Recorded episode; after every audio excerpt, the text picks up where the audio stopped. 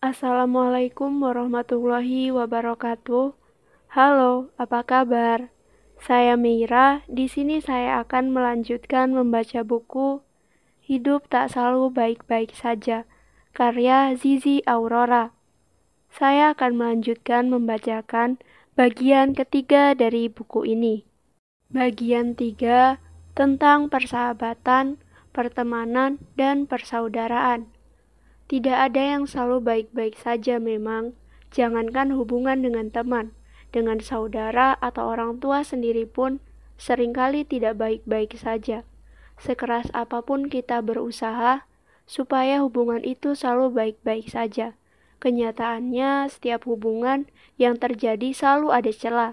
Kita tidak perlu memaksakan diri dan meminta semuanya baik-baik saja, karena ya tidak akan bisa jalani saja sebagaimana mestinya. Kalaupun bertemu dengan sesuatu yang tidak baik-baik saja, kemudian kita akan selalu punya cara untuk menghadapi. Saya bukan tempat persembunyian. Saya terkadang percaya berlebihan pada seseorang seperti sahabat, apalagi jika memang sudah kenal lama dan banyak hal yang sudah kami lalui. Saya akan mengusahakan apa pun ketika ia membutuhkan bantuan, karena saya berpikir bahwa persahabatan kami selamanya. Kami memang selalu baik-baik saja, sampai saya tidak memikirkan bahwa akan datang masanya kami tidak baik-baik saja dan saling menjauh kemudian. Suatu sore, ayah Clara, sahabat saya datang ke rumah mencari anaknya. Katanya Clara menginap di rumah saya selama beberapa hari. Ayahnya yang sudah mengenal saya pun percaya begitu saja bahwa Clara menginap di rumah saya. Mendengar pengakuannya pun saya kaget. Tiga hari lalu, Clara memang datang ke rumah saya meminjam sepatu. Katanya, ia mau pergi ke Semarang ke rumah saudara. Tanpa rasa curiga, saya pun meminjamkan sepatu saya. Tapi setelah ayahnya datang ke rumah saya sore itu, ternyata Clara berbohong. Ayahnya mengatakan bahwa mereka tidak memiliki saudara di Semarang. Ayahnya juga mengatakan bahwa sebulan ini hampir setiap malam minggu Clara menginap di rumah saya. Padahal sebulan ini ia tidak main ke rumah saya kecuali saat ia meminjam sepatu tiga hari sebelum ayahnya datang ke rumah saya. Saya tidak tahu pasti bagaimana ayahnya mencari Clara. Yang pasti, dua minggu kemudian Clara kembali ke rumah. Ayahnya mengatakan bahwa selama dua minggu ini ia kabur ke Jambi dan terpaksa harus dijemput ayahnya. Clara kemudian datang ke rumah saya dan meminta maaf karena sudah menjadikan saya tempat bersembunyi setiap kali ia pergi dari rumah. Termasuk ketika setiap malam minggu ia pergi dengan pacarnya dan menginap entah di mana. Saya menghargai pengakuannya, tetapi saya kesal karena ternyata selama ini sudah dijadikan tempat bersembunyi setiap kali ia kabur dari rumah atau tidak tidur di rumah. Sejak saat itulah hubungan saya dan Clara menjadi berbeda. Terlebih saat saudara-saudaranya yang saya kenal mulai menganggap saya telah mengajak Clara melakukan hal yang tidak-tidak. Saya pun semakin kesal, sampai akhirnya hubungan saya dengan Clara menjadi benar-benar renggang. Sedekat apa pun kita dengan seseorang, terkadang semua itu bisa runtuh seketika jika menyangkut kepercayaan atau kejujuran yang dihianati. Sekalipun bisa tetap menjalin persahabatan kembali, rasanya tidak akan sama. Mungkin itu hanyalah hal kecil. Saya dijadikan tempat bersembunyi, tapi siapa sangka bahwa akhirnya juga mendatangkan prasangka buruk orang lain terhadap saya. Itulah mengapa kita tidak seharusnya mengabaikan kepercayaan seseorang dalam hubungan apa pun. Hanya sebatas materi. Materi itu membuat semuanya menjadi tidak baik-baik saja. Itulah yang saya alami di tengah keluarga ayah saya yang menjadikan materi segalanya. Saat orang tua saya sedang jaya-jayanya, banyak saudara-saudara ayah yang berbaik-baik dengan keluarga saya. Sampai akhirnya ada masa di mana posisi orang tua saya di bawah dan itu mengubah semuanya. Dulu saat masih jaya-jayanya, ibu saya bahkan menarela menutup tabungan saat adik ayah yang paling kecil meminjam uang padanya. dalam jumlah yang tidak sedikit. Bahkan saat uang itu tidak kunjung dikembalikan pun, ibu tidak pernah mempermasalahkan. Tapi saat keadaan berbalik, tidak ada satupun saudara ayah yang berbalik hati yang berbaik hati memberikan bantuan. Mereka justru menjauhi keluarga saya dan tidak lagi seramah dulu. Berbanding terbalik dengan keluarga ibu saya yang selalu datang dengan penuh kasih sayang, tidak mempermasalahkan seberapa banyak uang yang kami miliki. Mereka tetap hangat dengan kami. Di keluarga ibulah saya belajar tentang persaudaraan yang penuh kasih. Saya belajar menerima setiap orang tanpa memandang pangkat dan derajat mereka. Di keluarga ibulah saya dibesarkan dengan kasih sayang dan bukannya dengan kecurangan materi. Sampai saat ini saya malas sekali jika harus berurusan soal materi, terutama soal uang. Itulah mengapa saya tetap membiarkan saat orang yang berutang pada saya tidak berkunjung mengembalikan atau menghilang sekalipun. Jika karena materi, orang tergiur untuk menjadikan semuanya berantakan, maka saya tidak ingin melakukan hal yang sama. Mungkin berlebihan jika saya berharap semuanya baik-baik saja sebab saya tidak bisa meminta setiap orang untuk melakukan hal yang sama seperti saya. Tapi setidaknya saya sudah berusaha memulai dari diri sendiri dengan menjaga persaudaraan dengan kasih sayang dan bukannya uang. Seperti seorang teman yang hanya menghubungi saya ketika membutuhkan pinjaman uang saja. Sekali dua kali, saya masih menganggapnya sebagai hal yang wajar.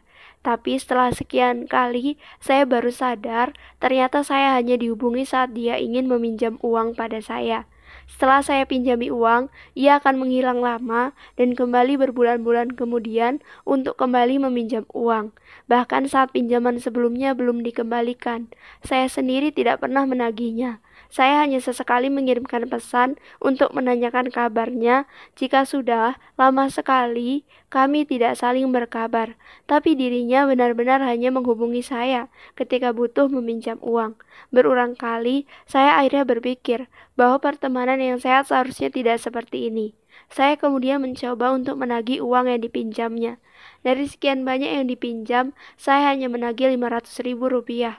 Saat kami janjian, saya datang terlambat karena jalannya macet. Ia kemudian pergi tanpa memberi kabar kepada saya dan membiarkan saya menunggu sampai satu jam lebih. Saya kemudian menghubunginya melalui telepon dan yang saya terima adalah amarahnya karena saya datang terlambat. Saya kemudian memintanya untuk mentransfer, tapi ia tidak mau. Sesulit itu ketika saya meminta, padahal saat ia butuh, ia bisa memohon-mohon supaya saya meminjamnya supaya saya meminjaminya uang. Ia akan terus menanyakan apakah saya sudah mentransfer uang pinjamannya atau belum. Saya benar-benar tidak habis pikir, kenapa jika berurusan dengan uang, orang bisa berubah. Pertemanan hanya sebatas materi, bukan sesuatu yang jarang terjadi. Kita bisa melihat bahwa hal seperti itu banyak kita temui, bahkan di lingkar pertemanan kita sendiri. Saat persaudaraan kita harus berakhir, Chandra, sepupu terdekat saya yang saya punya. Sejak kecil, kami bermain bersama, sekolah bersama, dan selalu menghabiskan waktu libur bersama-sama. Ia bahkan tidak mau sekolah jika saya tidak satu sekolah dengannya. Kalaupun marahan, kami tidak bisa marah terlalu ramah. Sampai akhirnya semuanya berubah. Ketika kami menginjak bangku SMA, sebenarnya ini masalah keluarga dan orang-orang tua. Tapi karena orang tua saya dan orang tuanya terlibat, akhirnya Chandra yang dulunya dekat dengan saya pun mulai menjauh dan enggan menyapa saya. Entah kami yang hari ini jauh menjadi suatu hal yang sangat saya sesalkan. Saya sudah mencoba menyapanya dan membuka komunikasi terlebih dahulu. Sayangnya ia tidak welcome dengan usaha yang saya dengan usaha saya untuk mengembalikan semuanya seperti dulu. Ayolah, itu masalah orang tua bukan masalah kita. Jadi kita tidak perlu terlibat. Kita sebaiknya tetap baik-baik saja. Ada yang merasakan seperti ini. Setelah usaha yang sia-sia ini, akhirnya saya berhenti. Meski saya sangat menyayanginya dan menyayangkan persaudaraan kami yang akhirnya renggang. Saya juga tidak ingin membuat hati saya lelah. Ya, setidaknya saya sudah berusaha, bukan? Saat saya menikah, ia adalah orang yang paling saya harapkan datang di pernikahan saya. Tapi sampai acara selesai, saya tidak melihatnya sama sekali. bulan Maret 2001, 2021 mendatang, ia akan menikah. Ia tidak mengundang saya, melainkan mamahnya yang meminta supaya saya datang ke acara pernikahannya. Saya canggung tentu saja, saya tidak ingin menjadi tamu yang tidak diundang. Meskipun dalam hati kecil saya, saya ingin sekali menjadi saksi di hari bahagianya. Setelah 12 tahun, kami memutuskan untuk diam. Setelah usaha saya berbaikan dengannya yang sia-sia. Saya benar-benar merasa bahwa saya bukan siapa-siapa lagi baginya. Terkadang, kita memang harus bisa menerima bahwa hubungan persaudaraan itu ternyata bisa berakhir kapan saja. Kita tidak lagi bisa memaksakan semuanya kembali seperti dulu. Sekalipun itu sangat kita sayangkan, tapi kita juga harus menjaga hati kita supaya tidak lelah karena memikirkan keadaan yang sulit diajak berdamai. Lebih baik kita berdamai dengan diri kita sendiri dengan menerima bahwa semua tidak selalu baik-baik saja. Keluarga saya tidak baik-baik saja. Tinggal di tengah keluarga yang broken home bukanlah suatu hal yang mudah. Akan selalu ada pergolakan batin karena status diperebutkan atau kita menjadi bagian yang tidak dianggap sama sekali. Kirana, seorang teman yang saya kenal semasa kuliah, menyelesaikan kuliahnya dengan berdarah-darah setelah ia memilih tinggal sendiri di Jogja, membiayai hidupnya sendiri. Ayah dan ibunya bercerai dan ia tidak memilih untuk ikut salah satunya. Pernah ia memilih untuk ikut ibunya, tapi rupanya ia tidak dianggap oleh ibunya. Ibunya benci jika melihatnya. Ibunya tidak ingin Kirana ada di sampingnya sementara ia sendiri tidak tahu ayahnya berada di mana. Ia pernah mencari ayahnya dengan pergi ke rumah nenek dari pihak ayahnya. Tapi yang ia dapatkan justru pengusiran. Ternyata ia juga tidak dianggap keluarga di tengah keluarga ayahnya. Dari situlah ia merasa bahwa ia tidak lagi diharapkan oleh ibu maupun ayahnya. Selepas SMA, ia kemudian pergi ke Jogja untuk bekerja. Saya salut dengan semangatnya. Saya salut dengan hatinya yang tidak pernah membenci orang tuanya. Sesekali jika libur kuliah, ia menengok ibunya, meskipun itu hanya semalam. Setelahnya, ia akan melanjutkan sendiri perjuangannya di Jogja. Ia rela mengambil kerja part-time setelah selesai kuliah, supaya ia bisa membayar uang kos dan membiayai hidupnya. Tak jarang ia kuliah pagi dalam keadaan mengantuk. Seandainya aku tahu ayahku di mana, aku pasti akan menemuinya. Aku akan tetap Aku akan tetap mengakuinya sebagai ayah, sekalipun ia sudah lama sekali meninggalkanku. Di antara kita mungkin ada yang keluarganya tidak baik-baik saja, tapi sudahkah kita melakukan hal terbaik di tengah keluarga kita yang tidak baik-baik saja, daripada mengeluh, marah, dendam, melampiaskannya dengan melakukan hal-hal negatif, ada baiknya jika kita tetap melakukan hal-hal terbaik untuk diri kita sendiri. Kenapa diri kita sendiri? Karena jika kita berada di posisi seperti Kirana, di mana ibunya tidak lagi peduli, ayahnya pun tidak tahu ada di mana, kita bisa saja terjerumus pada kehidupan yang salah karena merasa tidak memiliki siapa-siapa dan tidak diharapkan oleh siapa pun. Tapi kita harus ingat bahwa masih ada diri kita sendiri yang ingin melihat hidup kita lebih baik. Ke Kirana pun bekerja dan mengumpulkan uang selama beberapa tahun untuk bisa kuliah. Sehingga saat ia masuk S1, ia berusia 27 tahun dan memutuskan untuk kuliah di salah satu kampus swasta. Saya benar-benar salut karena ia selalu ingat bahwa memiliki dirinya sendiri di saat ia tidak lagi diharapkan oleh ayah atau ibunya. Ya, mau gimana lagi? Aku sekarang hidup ya untuk diriku sendiri. Kalau memang sudah tidak diharapkan lagi, aku masih punya diri sendiri untuk dibahagiakan. Katanya diiringi tawa. Saat ibu saya pergi di usia saya yang baru tujuh tahun, dan kemudian saya ikut nenek dan kakek dari pihak ibu, saya menjadi benci dengan banyak orang, termasuk kehilangan kepercayaan pada orang tua saya. Terlebih saat kehilangan yang saya rasakan tidak berhenti sampai di situ. Di tahun berikutnya, kakek yang sangat saya sayangi dan telah mengisi masa kecil saya harus mengalami peristiwa traumatis itu meninggalkan saya untuk selamanya. Ia sakit dan meninggal tak lama kemudian. Lagi-lagi saya tak bisa benar-benar menangis saking kehilangannya. Saya diam, tapi air mata saya mengalir membasahi pipi. Saya menangis tanpa suara. Seharian itu saya menunggui di luar Seharian itu saya menunggu jasad kakek di saat cucu-cucu yang lain berkumpul dan bermain di luar rumah. Saya menangis sendirian di samping jenazah kakek sampai akhirnya diangkatkan dan saya mengantarnya ke pembaringan terakhir. Saya yang kehilangan orang-orang tercinta dalam satu tepukan membuat saya semakin takut dan sedih. Entah, rasanya saya sudah diajarkan tentang kehilangan, bahkan sejak saya kecil. Meskipun ibu kembali di hari itu, Rasa kehilangan dan sisa kenangan kehilangan itu seperti putaran adegan yang terus berputar di kepala saya. Sampai saya beranjak dewasa, putaran adegan kehilangan itu terus mengikuti.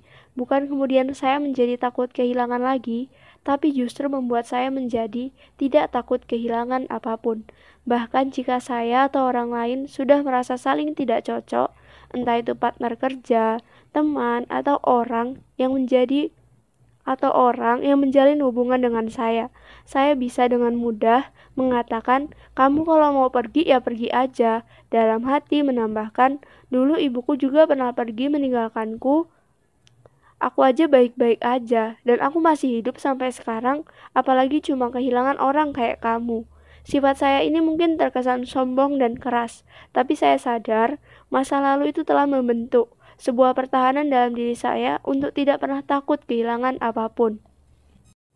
Kita tidak bisa memilih dilahirkan di tengah keluarga yang seperti apa, tapi jika mau, kita bisa memilih ingin menjadi seperti apa.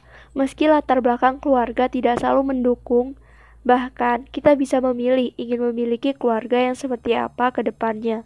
Itu hanya soal keberanian kita menentukan jalan dan pilihan hidup kita. Saya juga orang yang hidupnya tidak selalu baik-baik saja. Saya juga lahir di keluarga yang tidak selalu baik-baik saja. Tapi saya sadar, saya bisa menyiapkan banyak pilihan untuk hal-hal yang bisa saya pilih. Masa lalu itu biarlah tetap milik saya, tapi bisa saya ulang untuk perbaiki. Tidak bisa saya ulang untuk diperbaiki, tapi masa depan adalah sesuatu yang bisa kita pilih dan tentukan. Mama saya bukan pelacur. Air mata saya mengalir begitu saja ketika Rafa meneriakan pelacur pada mamanya, tante saya. Padahal sejak tante saya bercerai dengan suaminya, tantelah yang memeras keringat dan menanggung semua biaya Rafa sebagai anak laki-lakinya. Ayahnya tidak lagi mengunjunginya apalagi memberikan uang. Seluruh biaya hidup ditanggung oleh mamanya, tanteku itu. Rafa mengucapkan kata-kata itu pada mamanya setelah ia lulus kuliah, tak sadar bahwa mamanya sudah menanggung seluruh biaya kuliah dan biaya hidupnya selama kos di luar kota. Oke, tante saya ini memang wanita karir yang sering keluar kota untuk bekerja. Rafa tinggal bersama nenek dan tante saya yang lain. Tapi, semarah apa pun ia karena tidak selalu merasakan kehadiran mamanya, tidak seharusnya ia mengatakan mamanya seperti itu. Sesibuk apa pun mamanya di luar kota dan jarang pulang, ia bekerja baik-baik dan semua itu dilakukan untuk Rafa. Setelah mengucapkan kata itu, Rafa pergi begitu saja. Tante saya terbangun di tempat. Tubuhnya menegang antara marah, kecewa, dan entah perasaan apa lagi hingga membuatnya diam dan tidak bisa menangis. Sejak saat itu hubungan mereka menjadi buruk sekali.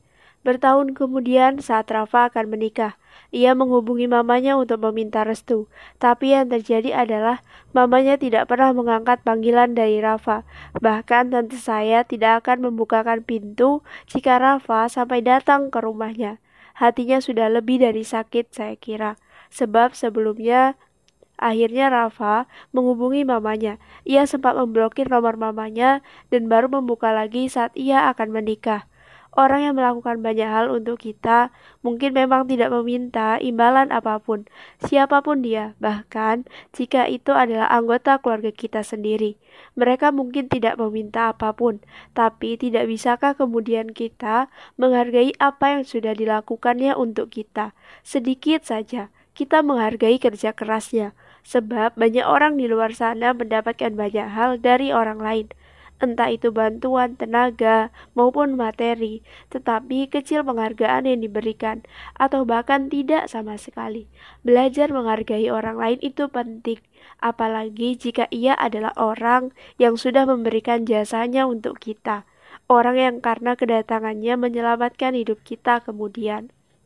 Kita tahu rasanya orang yang tidak dihargai bukan, sekalipun itu menyakitkan baginya, sering kali ia lebih memilih menyimpan untuk dirinya sendiri daripada harus memulai perdebatan, daripada orang lain justru menyangka ia meminta imbalan, ia akan memilih diam. Semua akan lost kontak pada waktunya. Semakin kita dewasa, kita pasti merasakan satu persatu teman menghilang. Menghilang karena kesibukan masing-masing, menghilang karena mereka bekerja keluar kota, atau karena mereka sudah memiliki keluarga masing-masing. Awalnya, mungkin kita merasa kehilangan segala sesuatu yang dulu bisa kita lakukan bersama-sama. Mulai harus kita lakukan sendiri. Mereka yang dulu selalu ada, mulai sulit dihubungi dan tidak selalu punya waktu saat kita ingin bertemu. Ya, semua akan lost kontak pada waktunya. Jangan merasa sedih dan sendiri dulu ya, kita harus belajar menerima bahwa semuanya memang akan seperti itu. Setiap dari kita akan melanjutkan pada fase hidup masing-masing. Itulah kenapa sebaiknya kita melatih diri untuk tidak bergantung pada siapa pun Sebaiknya kita terbiasa melatih diri untuk melakukan sendiri apa yang bisa kita lakukan sendiri. Saya termasuk orang yang bergaul di lingkungan kecil, tapi sejak dulu saya tidak pernah memaksakan bahwa saya harus melakukan segala sesuatunya dengan teman.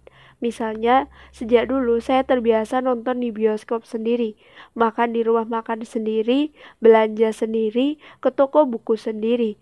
Meskipun sesekali saya juga pergi bersama teman-teman, tetapi saya sudah membiasakan untuk sendiri. Sering berjalannya waktu, seiring berjalannya waktu, satu persatu teman saya pergi keluar kota untuk bekerja, lalu ada yang menikah, dan mulailah kami jarang bertemu, jarang bertemu, dan hanya berkomunikasi sekali saja. Saya juga merasa sedikit kehilangan, tapi saya selalu meyakinkan pada diri saya sendiri bahwa selama ini saya sudah terbiasa sendiri. Seharusnya saya tidak apa-apa jika tanpa mereka. Semua memang harus dibiasakan dan dilatih. Hidup memang terkadang sesepi ini, tapi itulah yang memang harus kita lalui. Kita sebaiknya melatih diri supaya tidak bergantung pada siapa pun, sebab yang pada akhirnya ada untuk kita adalah diri kita sendiri banyak tangan yang mencampuri urusan saya. Saat saya mendidik diri saya untuk tidak ikut campur urusan orang lain, eh malahan orang lain yang ikut campur urusan kita. Ya, hal-hal seperti ini memang ada. Kadang ikut campur, kejauhan malah. Terus kita harus gimana dong? Nikmati saja, sejauh mana mereka ikut campur, keputusan tetap ada di tangan kita kok. Jangan buru-buru meledakkan amarah ketika ada orang lain yang ikut campur urusan kita. Bisa jadi urusannya malah tambah rumit. Selama mereka ikut campur dengan ikut andil dalam hal-hal yang positif, terimalah dengan lapang dada. Tapi jika sudah terlalu jauh, kita bisa menghentikan semuanya. Jadi, sejatinya kita tidak perlu menyalahkan orang lain karena kendali tetap ada di tangan kita. Saat saya masih kuliah, saya sering pulang larut malam, lantaran saya sering pentas atau kerja dan mendapatkan shift malam. Awalnya hanya menjadi bisik-bisik tetangga, tapi lama-lama ada juga yang berani menegur saya. Oke, saya menerimanya, dan saya anggap bahwa ia sedang peduli terhadap saya. Tapi lama-kelamaan, bukan hanya satu orang, tapi beberapa orang mulai berbicara seolah lebih tahu tentang apa yang saya lakukan di luar sana.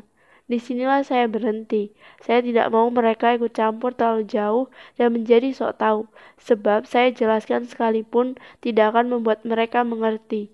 Jadi saya memilih diam dan memilih menghindari pertemuan dengan orang-orang yang berani mencampuri urusan saya terlalu jauh. Saya tahu hidup saya tidak selalu baik-baik saja bahkan banyak celah di mata orang lain. Jadi terkadang saya harus menghindari orang-orang yang terlalu jauh mencampuri hidup saya. Supaya saya tetap bersyukur dengan hidup saya yang saya miliki. Sebab di luar sana ada banyak orang mencela hidupnya sendiri setelah membiarkan orang lain ikut campur terlalu jauh dengan hidupnya. Kenapa justru orang yang paling dekat? Percaya tidak, orang yang paling rentan berkonflik dengan kita adalah orang yang paling dekat, bukan hanya hidup yang tidak baik-baik saja, tetapi kadangkala kita juga harus dipertemukan dengan orang yang kurang tepat. Bahkan setelah bertahun-tahun menjadi sahabat, setelah bertahun-tahun menjadi sosok yang kita anggap dekat dan kita percaya. Semasa saya kuliah, di kampus ada kantin kejujuran. Empat orang teman saya, Ersi, Friska, Santi, dan Heni, jualan di situ dengan kesepakatan bagi hasil. Selama hampir dua tahun, mereka baik-baik saja dan semakin akrab saja. Kebetulan mereka teman sekelas saya. Jika tugas kelompok, mereka akan menjadi satu kelompok ke perpustakaan pun selalu bersama.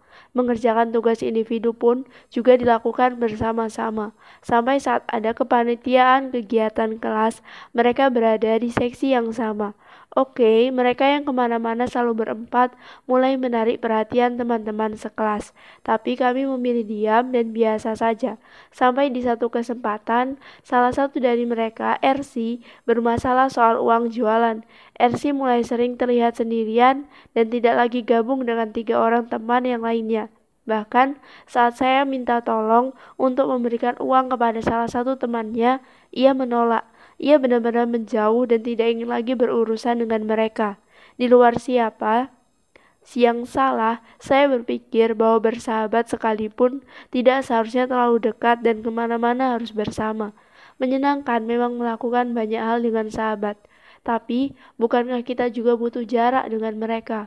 Jangan merasa karena sudah dekat, kita menjadi lupa bahwa kita juga butuh jarak kita menjadi lupa bahwa mereka juga bisa saja melakukan salah satu atau hal yang menyakiti hati kita. Yang terdekat akhirnya menjadi rentan berkonflik karena tidak ada lagi privasi. Tak ada lagi rasa sungkan, seolah-olah karena sudah dekat, mereka bisa menerima apa pun yang kita lakukan. Jangan salah, persahabatan juga tidak melulu baik-baik saja. Untuk itulah kita perlu jarak, menjaga privasi, dan tetap memiliki rasa sungkan hanya karena uang. Sampai hari ini saya paling malas jika harus berurusan dengan uang. Keluarga besar ayah saya hari ini hidup sendiri-sendiri dan tidak saling kenal setelah semua meributkan uang warisan. Beberapa teman yang saya kenal menyudahi pertemanan mereka hanya karena ada dari mereka yang tidak segera mengembalikan uang. Saudara-saudara saya pun begitu. Hanya karena uang pinjaman yang lama belum dikembalikan, mereka kemudian tak saling tegur sapa. Ini jelas membuat saya prihatin, tapi dari situlah saya kemudian belajar. Uang bisa merusak segalanya, meski di sisi lain juga bisa membeli segalanya, termasuk pertemanan atau persahabatan ataupun persaudaraan. Itu bagi mereka yang hidupnya hanya selintas soal uang. Bagi saya, uang bisa membeli apa pun selain persaudaraan dan pertemanan. Sebisa mungkin saya mendidik diri saya supaya saya tidak menjadi salah satu dari mereka yang suka meributkan uang. Ada seorang teman yang minjam uang kepada saya dan sampai hari ini belum kembali. Bahkan orangnya mulai ganti nomor dan saya kehilangan jejaknya. Saya diamkan. Saya tidak mau mengejarnya dan memilih untuk mengikhlaskannya. Ada saudara yang kerap meminjam uang dan belum kembali. Saya memilih untuk tidak membahasnya. Ada seorang karib yang sudah hampir tiga tahun berhutang kepada saya dalam jumlah yang tidak sedikit. Saya tidak menanyakannya. Kenapa saya begitu? Pertama, saya tidak mau merusak persaudaraan dan pertemanan hanya karena uang. Kedua, itu adalah cara lain bagi saya untuk menilai seseorang, sebab beberapa orang menjadi begitu serakah jika dihadapkan dengan uang, bahkan sampai rela pertemanan dan ataupun persaudaraan pecah pecah karena uang. Saya bisa saja meminta uang yang saya pinjamkan, tapi saya memilih untuk tidak melakukannya. Oke, itu saya yang dulu. Saya yang terlalu baik dengan orang lain sampai saya nggak sadar bahwa saya sedang dimanfaatkan. Tapi saya punya satu pengalaman yang cukup memotivasi saya kenapa saya harus selalu berbuat baik. Saya memiliki tiga orang tetangga yang kurang mampu secara ekonomi. Dua orang dari mereka janda, dan satu lagi seorang ibu, dua anak, yang menjadi pembantu rumah tangga di rumah orang. Satu waktu mereka pernah meminjam uang dari seorang pensiunan. Tidak banyak yang mereka pinjam, sekitar 10 ribu sampai 50 ribu. Tapi si pensiunan itu tidak meminjaminya dengan alasan tidak punya uang, padahal ia baru saja gajian. Lalu mereka datang ke rumah saya dan meminjam uang kepada ibu. Sayangnya saat itu ayah saya sedang tidak bekerja dan ibu sedang tidak ada uang. Lebih selain untuk makan, saya kemudian berpikir, bagaimana jika saya saja yang meminjaminya? Saya sudah bekerja dan uang saja dan uang saya lebih dari cukup untuk meminjami mereka. Akhirnya saya meminjami mereka. Sejak saat itulah, jika mereka butuh uang, mereka biasanya akan meminjam pada saya. Entah kenapa juga adalah sebuah kebahagiaan bisa meminjami mereka. Satu hal yang saya salut dari mereka, mereka selalu berusaha untuk mengembalikan, meskipun dalam waktu yang lama sekalipun. Mereka bahkan tidak pernah lupa atau meremehkan, meski yang dipinjam hanya 10 ribu atau 20 ribu. Mereka selalu mengembalikan. Bahkan saat mereka belum bisa mengembalikan dalam waktu lama, mereka datang ke rumah saya dan meminta maaf, belum bisa mengembalikan. Dari sinilah hati saya semakin terbuka untuk memberikan pinjaman uang kepada mereka. Ketika mereka datang karena belum bisa mengembalikan, saya katakan bahwa tidak perlu dipikirkan, dipakai saja dahulu. Dengan sendirinya, dalam hati mengikhlaskan, seandainya mereka tidak bisa mengembalikan uang itu. Dengan sendirinya pula, saya selalu menyisikan uang saya jikalau mereka datang untuk meminjam. Bahkan, sampai saya menikah dan tidak tinggal di rumah orang tua lagi, saya menitipkan uang pada ibu. Kalau saja mereka butuh uang, saya merasa bahwa mereka yang berusaha mengembalikan uang pinjaman adalah orang-orang yang menghargai orang yang meminjami mereka. Itulah mengapa ingin rasanya saya lebih baik kepada mereka. Uang memang bukan segalanya. Kita berhak meminta apa yang menjadi hak kita. Tapi saya rasa tidak perlu sampai dipaksakan, dikejar-kejar sampai merusak persaudaraan atau pertemanan itu sendiri. Intinya, saat kita mengikhlaskan apa yang sudah kita keluarkan, Tuhan akan selalu menggantinya dengan sesuatu yang lebih. Selain itu, kita akan dengan mudah menilai orang dengan uang yang kita keluarkan untuk orang tersebut. Tutup buku kita. Satria, seorang teman yang saya kenal bertahun-tahun lalu. Saya tahu betul ia sesungguhnya orang yang baik. Saat ia memiliki kelebihan, ia selalu ingat teman-temannya. Ia tidak menikmatinya sendiri. Ia selalu mentraktir teman-temannya, bahkan saat temannya meminjam uang padanya. Ia akan mengeluarkan uang tersebut untuk mereka. Hanya saja, ia masih berharap semoga suatu saat mereka yang pernah ia tolong itu juga menolong ketika ia butuh. Hmm, begini, saya tidak menyalahkan harapannya kepada orang-orang yang sudah pernah ditolongnya, supaya mereka ingat, dan ketika ia butuh, mereka pun ada. Hanya saja harapannya itu sedikit membuatnya terlihat mengharapkan imbalan secara tidak langsung.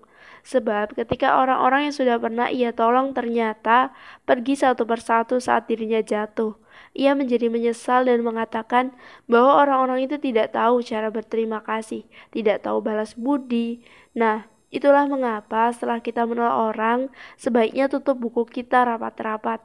Saya pun mendidik diri saya untuk seperti itu.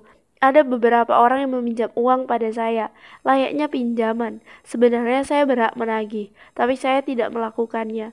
Bahkan di antara yang saya pinjami itu ada yang kemudian ganti nomor dan menghilang. Saya tidak pernah mencarinya. Ada yang sudah nyaris empat tahun tidak melunasi utangnya. Aku pun tidak pernah meminta, padahal jumlahnya pun tidak sedikit. Saya tidak mau kecewa dan menjadi berhenti berbuat baik. Itulah mengapa saya kemudian mendidik diri saya untuk menutup buku setelah menolong orang lain.